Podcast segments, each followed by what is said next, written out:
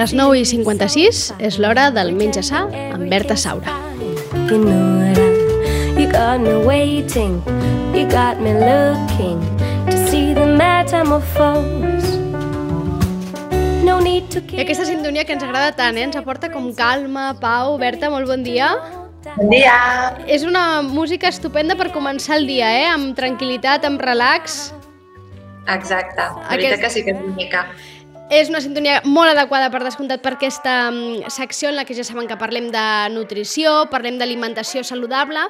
I avui, arribada aquesta època de l'any en què sabem què molta gent comença a pensar en treure's la roba, en què s'ha de posar banyador, en què es vol preparar, en què igual es vol treure dos o tres quilets, és l'hora en què molta gent comença a pensar en el terme dieta. I hi ha una dieta que recentment segur n'han sentit a parlar molt, perquè se'n parla molt, no és una dieta pas d'ara, és una dieta de ja fa temps, però se'n sent a parlar molt i avui li volem preguntar, ai, li hem preguntat a la Berta que ens en parli d'ella. I estem parlant de la dieta keto, de la dieta cetogènica, oi, Berta? Ketogènica, sí, sí, sí. Dita també com a dieta keto. Dieta keto, que Bé. ara està molt de moda, Berta. Està, amb, eh, surt a tot arreu, hi ha productes keto, receptes keto, em, tothom parla d'aquesta dieta keto i exactament de què estem parlant. bueno, com, com bé dius tu, doncs que és una dieta que està de moda i darrere hi ha doncs, un tema comercial on t'han tret una línia de, de productes i hi ha darrere un, un, una publicitat enganyosa, com si diguéssim, de que ara és, és, és, el millor perquè beneficia no només per perdre pes, sinó per guanyar en salut. Val? Començant, saps que nosaltres sempre diem que les dietes en si no funcionen, val? i més quan són dietes on falten nutrients, d'acord? Us explico en què consisteix la dieta cetogènica, val? Eh, la dieta ce- cetogènica consisteix en prendre una alta ingesta de greixos, vale? una ingesta de proteïnes normal, com la que podríem tenir en una dieta equilibrada, que vindria a ser entre un 25 i un 30%, i una ingesta de sucres, és a dir, d'hidrats de carboni, d'un 10%. És a dir, molt baixa. Molt baixa, molt baixa. Quan ens estalviem aquest tipus de nutrients, ens estalviem el grup de les verdures, també. Aleshores, bàsicament, ens alimentem de greixos i proteïnes. Val? Això significa que podem tenir moltes carències nutricionals, d'acord? Tant sigui de vitamines com de minerals. A més a més, també ens podem deshidratar, perquè requereix de molta ingesta d'aigua, per tant, pot ser un perill. I darrere d'una deshidratació hi ha una desmineralització i pèrdua de calç. Per tant, és una dieta que és descalcificant. Aleshores, què fa aquesta dieta? Què produeix en el nostre metabolisme? El que produeix és que nosaltres, com que no tenim la font de glucosa, que vindria a ser l'hidrat de carboni, que és el que normalment sempre consumim en primera instància, doncs se n'aprofita dels greixos. Val? Aleshores, dona una energia constant, d'acord? Que, em, que, on te trobem l'energia de les reserves del greix. Per això diem que és una dieta on es perd molt de pes, sobretot greix, en molt poc temps. Per tant, diríem que seria una dieta miraculosa, no? Mhm. Perquè en un període molt curt doncs, tenim una, uns efectes doncs, molt, molt positius no? visualment. En cas de que es vulgui primar, eh? estem pensant que la, la, la majoria de gent que opta per aquesta dieta és perquè la, la, la aplica com a dieta de primament, no? Entenc, Berta? Sí, també és una dieta que s'aplica en certes patologies que aleshores sí que serien positives, val? però de totes maneres és una dieta que a llarg termini tampoc es pot mantenir, s'ha d'anar trencant. Val? Eh, una, per exemple, en casos d'epilèpsia, doncs diuen que treure els sucres és beneficiós i fer una dieta més alta en greixos doncs ho és. Val? També en casos de, eh, de càncer, val? doncs diuen que produeix una, una antiinflamació de l'organisme i això fa que les cèl·lules cancerígenes no es reprodueixin tan ràpid. D'acord? O sigui, sí, sí és beneficiós sempre que estigui ben controlat per un professional val? i hi ha una finalitat terapèutica. Val? Però per perdre pes mm, no és, no és recomanable. No ho A més, recomanaries. Per què, Berta? Perquè d'entrada, pel que expliques, eh, sí que és efectiva a curt termini en el sentit de que si un fa aplicar aquesta dieta durant un, un temps, entenc que perdre pes sí que el perd. perquè si rebaixa tant la, la ingesta d'hidrats de carbonis, de sucres i tot plegat, perdre pes el pes el perd. Per tant, és efectiva a curt termini o en primera instància, però per què no és recomanable, Berta? Doncs mira, al final, al fi i al cap, perquè jo sempre indico que les dietes has de poder-les portar durant un llarg termini i que al final sigui un modus vivendus, no? Que diguis, bueno, doncs jo canvio la meva alimentació per guanyar en salut i perdre pes, sí, però perquè no em falti cap nutrient, no? I a més a més aquestes dietes tan restrictives sabem que quan la deixem fem un efecte yo-yo, és a dir, que tot aquest pes que hem perdut el recuperem i a més a més en guanyem més, val? Perquè què fa el cos? Ostres, a mi m'han deixat tant de temps sense hidrats de carboni, doncs ara em vaig a fer reserves, reserves, reserves, reserves, reserves. Clar, i diu, me'l guardo per si després em tornen a deixar sense, que és que el cos és molt intel·ligent. Val? Aleshores, normalment es perd molt de pes, però després s'acaba recuperant. Vale? Hi ha professionals que fan dietes cetogèniques de de períodes curts, com puguin ser dues setmanes, i després la reforcen agregant una mica d'hidrat de carboni en petites quantitats, com per exemple agregant boniato, quinoa, una mica d'arròs integral, fent una mica de, de peron i continuant. Val? Bé, per mi, èticament, no seria, no, no seguiria sent una dieta equilibrada, val? però si funciona, doncs bé, probablement doncs sí, es perd pes, sí, clar que sí. Val? Però mantenir una dieta cetogènica tant de temps ens pot realment afectar els òrgans perquè pensa que el fetge i el ronyó treballen més de la compte per cremar aquests, aquests cossos cetònics. Que els cossos cetònics, al final, el que provoquen és una acidificació del cos. ¿vale? Aleshores, tampoc és beneficiosa estar en estat d'acidesa. ¿vale? Perquè, Berta, Bé. aquesta dieta que deius es basa en, bàsicament en una alta ingesta de greixos i de proteïna, no? I una, una ingesta forta també de proteïna. Estem parlant d'alimentar-se a través de què? És a dir, la proteïna l'entenem, no? Doncs el peix, la carn, els ous... Sí. Però l'alta ingesta de, de greixos, de quins greixos estem parlant? Perquè a mi ara em ve el cap l'abocat, no? Per exemple, el bocat o l'oli sí. d'oliva, però clar, quina alta ingesta mm, pots fer d'aquests ingredients? Doncs mira, vindria a ser un 80, un 70-80% d'ingesta de greixos. Val? La proteïna, la ingesta de proteïnes ha de ser la mateixa que sempre. D'acord. Si ingeríssim més proteïna de lo normal, no funcionaria aquesta dieta, val? perquè l'accés de proteïnes faria que nosaltres segreguéssim glucogen, glucogen en el nostre cos. Per tant, no ens interessa la glucosa al nostre cos ara mateix.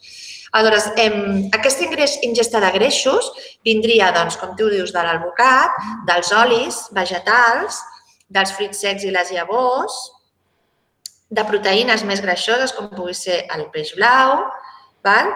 vindria també doncs, dels lactis, d'acord? Formatges, o sigui, clar, aquí tenim un hàndicap també, no? Que si ingerim massa, masses greixos d'origen animal, tampoc és, també és contraproduent. Per tant, sempre, si fas una dieta cetogènica, jo la donaria d'una tendència més vegetariana. Val? Intentar consumir tots aquells greixos que són d'origen vegetal, que al final ens aporten més beneficis que els d'origen animal. Val? Però sí, bàsicament seria agregar molt greix a la nostra dieta. Que això també ens aporta molta sacietat a llarg termini. Al, al principi s'experimenta molta ansietat per, pels hidrats, però quan tu estàs en estat cetogènic, et sents saciat, val? Doncs agafes les reserves de, dels greixos i això et fa estar, diuen, que en un estat mental molt tranquil, on no hi ha un pics de glucèmia a la sang i no hi ha ansietat per menjar. D'acord? A més a més, això et provoca doncs, menjar quan tens gana. Val? Perquè normalment nosaltres, quan ens alimentem de glucosa, normalment necessitem menjar moltes vegades al dia, perquè la glucosa va pujant i va baixant i provoca doncs, estats una mica més d'angoixa de tinc gana, vaig a menjar, saps? Aleshores, en aquest estat et quedes com en un estat de, de plaer constant on no hi ha pics de gana. Quina, quin problema hi ha aquí també? Doncs que probablement no estem ingerint els nutrients o, o, o les calories que necessita el nostre cos pel desgast físic que tenim. Com estem en un estat de sacietat, doncs no mengem tant. I aquí podem tenir també doncs, carències. Val? Per tant, Berta, en resum, és una dieta, eh, entenc que tu no recomanes? No, En cap dels casos, eh? I, i sobretot en el cas de l'aprimament. Entenc que és una dieta que està funcionant i que té èxit entre molta gent i que s'ha fet molt popular perquè és d'efecte ràpid que, i vivim en aquest món de que ens volem aprimar i ens volem aprimar 5 quilos ja en una setmana, no? que és, o, o en Sí. un mes, que és una cosa allò que, que poc recomanada no? pels experts com tu, que, que diu que ha de ser una cosa paulatina. No? Entenc que és aquest, a, això és el que atrau tant a la gent. També hi ha una defensa darrere dient que, bueno, que nosaltres, els avantpassats, doncs, vam ser caçadors i que sortíem a caçar i probablement menjàvem una vegada a la setmana i, i agafàvem reserves de, de, normalment de proteïna perquè caçàvem i eh, ens, ens anàvem, anàvem agafant les nostres reserves fins tenir aquest estat de, de voler anar a caçar una altra vegada, no? I que hem sobreviscut amb aquest tipus de dieta, no? Aleshores, és que darrere doncs, hi ha bueno, doncs aquesta tendència keto, paleolític, vale? de, de, de que, bueno, doncs, com que La dieta paleo i la dieta keto és el mateix? La paleo vindria a, a, a tenir una ingesta més alta de proteïnes, també. Vale? Aleshores, bueno, hi ha aquesta defensa, també diuen que, que doncs això, doncs que perds aquesta necessitat de gana, que hi ha una calma mental, eh, que és terapèutica per segons quines malalties, d'acord? Però directament és una dieta que no pots portar a llarg termini. Val? I, I que, Hi com una- dius, hi ha riscos, no? És a dir, hi ha riscos nutricionals reals, més enllà de riscos de tornar a guanyar el pes un cop eh, acabis aquesta dieta, perquè, és a dir, el que queda clar, pel que comentes, és que alimentar-se tota la vida eh, en base cetogènica eh, no pot ser, eh? És a dir, això és in, No. inviable. I, I hi ha el risc que comentaves en què en el moment en què deixes de fer aquesta dieta, tornes a ingerir mm, eh, carbohidrat i, per tant, és fàcil que el cos agafi moltes reserves i, per tant, recuperis i es faci allò de l'efecte rebot tan, eh, tan comentat, no? Sí, sí, sí. sí, és, sí. és un d'aquells perills, però més enllà d'aquest perill hi ha perill també nutricional, entenc, Berta, no? De, doncs, de, de falta de de nutrients, de carències. carències, que, que, i, i de, doncs això, de- d'obligar a segons quins, doncs el fetge, a l'estómac, a treballar d'una manera que no és la que haurien de treballar, no? Exacte, sí, sí. La natura, la, el cos humà està programat per, per, per necessitar els hidrats com a font de glucosa per poder pensar, per poder tenir energia, bé, per tenir gasolina constant. Ara sí, la ingesta d'hidrats, sempre ho diem, molt important. Doncs hidrats d'origen de la llegum, del cereal integral, de la verdura, d'acord? No sucres d'absorció ràpida. Aquí sí, aquí si féssim una, una dieta basada en sucres d'absorció ràpida, aleshores experimentaríem altres malalties que inclús podrien arribar a ser més perilloses, com diabetis, obesitat, d'acord? Però, ostres, amb una mica de cap, no? Al final, Eh, aquestes si no- dietes, Berta, tinc la sensació que sempre posen en el focus, en el punt de mira, com el gran enemic, el carbohidrat, no? És a dir, el carbohidrat Sí. és, té la culpa de tot, d'aquell aquells quilets de més que tens, aquest sentis cansat, la culpa sempre és el carbohidrat. És del carbohidrat. Ho vam parlar en l'altre Sí, programa, que sí. recordes? Eh? Del fals concepte que tenim sobre el carbohidrat, no? El tenim com molt abandonat i, molt, i, és, és, és, i realment és la font d'energia que, que necessitem. És, és, és bàsic, és bàsic. Per tant, és necessari, necessitem eh, eh, ingerir carbohidrats, com bé dius, eh, eh, el secret, diguem, o, o, o l'ò- l'òptim és que aquests carbohidrats siguin de qualitat. Exacte, exacte, sí, sí, sí. Berta, per tota aquesta gent que, mm, que ara eh, pugui estar pensant en això, eh, de "Ai, vull fer una mica de dieta perquè m'he posat uns quilets a sobre, arriba el, la temporada d'estiu, el biquini, eh, vull baixar uns quilets... Eh, què els hi diries? I que s'estan plantejant, doncs això, no? Fer una dieta keto perquè l'han llegit, perquè han parlat amb una amiga eh, Sí. que l'ha fet i li ha funcionat, i ha baixat 20 quilos o 10 quilos en un mes, o, o perquè ah, és veritat que les xarxes estan impregnades Sí, d'aquesta dieta i, el- i de receptes, és, És el increïble. dir. És el que volia dir, que no ens deixem, sisplau, enganyar val? per les històries o les experiències que ens expliquin eh, persones que no són eh, professionals del món de la salut val? O, no, o no estan de, involucrades amb la nutrició, que pengen receptes, que pengen autoexperiències. Hi ha un cas d'una noia eh, que, que, bueno, que s'ha fet bastant coneguda a les redes socials, que és australiana, la qual va començar a fer una dieta cetogènica durant sis mesos, va perdre molts quilos, va canviar totalment el seu cos i va començar a veure que la seva salut començava a, a, a perillar. A, a perillar, que no es trobava bé i llavors va començar a introduir una altra vegada els hidrats, de tal manera que va realment frustrar-se molt, no? perquè al final va recuperar tots aquells quilos en un moment i, a més a més, en va agafar més. No? I amb la pressió de voler eh, seguir donant una imatge a nivell a nivell social, de les redes socials, doncs va acabar tenint desequilibris alimentaris i, i bueno, al final ha sigut tota una tragèdia, no? Sí, sí, que com, dic, compte... No, tot és tan bonito. És vale? a dir, pot ser també un desencadenant de trastorns de conducta alimentària, eh? Exacte, una dieta d'aquest tipus. Sí, sí, sí, perquè al final és que et desorienta totalment, no saps el que has de menjar, el que sí, però és que quan menges hidrats doncs et tornes a engreixar, al final el que provoca és un desequilibri alimentari, correcte. Per tant, compte, eh, el més important és que quan algú tingui necessitat o vulgui, simplement vulgui perdre eh, alguns quilets, el millor és que vagi a un professional, una nutricionista, Exacte. com la Berta, que els sí. guiï, que els hi faci un estudi, que, que els hi preguntarà com s'alimenten, què els agrada, què no els agrada, i els hi faran un estudi. I també entenc que tenir paciència, és a dir, que, i que perdre pes no pot ser una cosa de... no és una cursa ràpida, no? No és una cursa de velocitat, no. és una cursa a llarg termini i de fons i que la base és el, els bons hàbits. Exacte. Ha d'haver-hi sempre darrere una educació nutricional. Des de saber cuinar, aprendre a cuinar aliments que probablement no et pensaves que t'anirien bé i et van bé, començant des de la cuina i, i, i acabant des de, des de la consciència per l'alimentació en un mateix, de, de, de voler guanyar en salut, no només en, en baixar pes. Que es pot baixar pes menjant bé, d'acord? I si hi ha defensors de la dieta cetogènica, que sé que n'hi ha molts nutricionistes i del món de la salut, doncs probablement tindran el, el, el, el, el, ho deuen fer de tal manera que suposo que no malmetran el seu pacient a nivell de salut. Per tant, si tu vols fer una dieta cetogènica i, i tens aquesta tendència i vols anar amb un professional amb la qual et pugui donar aquesta, aquesta guia, vés amb un professional, no ho facis per tu mateix, no et descarreguis cap dieta d'internet, val?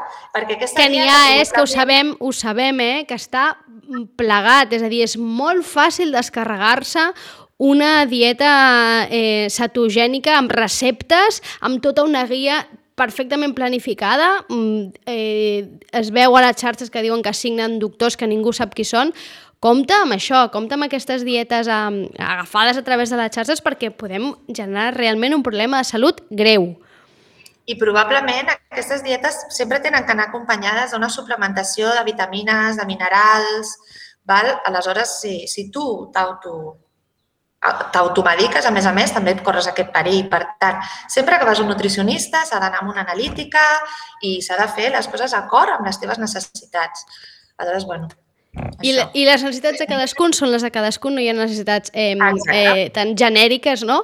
com per poder fer una mm. dieta, que, una dieta que funcioni a tothom. I si no poden escoltar mm, cada 15 dies la Berta, que sempre ens dona molt bons consells i que al final sempre anem al fons, sempre al final a les nostres converses, Berta, sempre arribem a, aquesta, mm, a, a, a aquest resum, no? aquest objectiu de que al final tot es basa en tenir bons hàbits alimentaris. I amb bons hàbits alimentaris un al final aconsegueix eh, tenir salut, principalment, que és el més important, i normalment aconsegueix tenir un pes eh, correcte i adequat. I el que passa que això és una cursa de fons, eh? És, hem d'anar poquet a poquet, aquests objectius, sí. aquestes ganes de perdre 5 quilos en un mes... Constància, no córrer abans de l'estiu, de dir, ui, m'ha pillat el toro, vinga. No, no, constància tot l'any, ja està. Modus vivendos, sempre ho dic. Doncs vinga, Berta, moltíssimes gràcies. Vinga, Ens veiem en 15 gràcies. dies. Adéu-siau. Gràcies, adéu.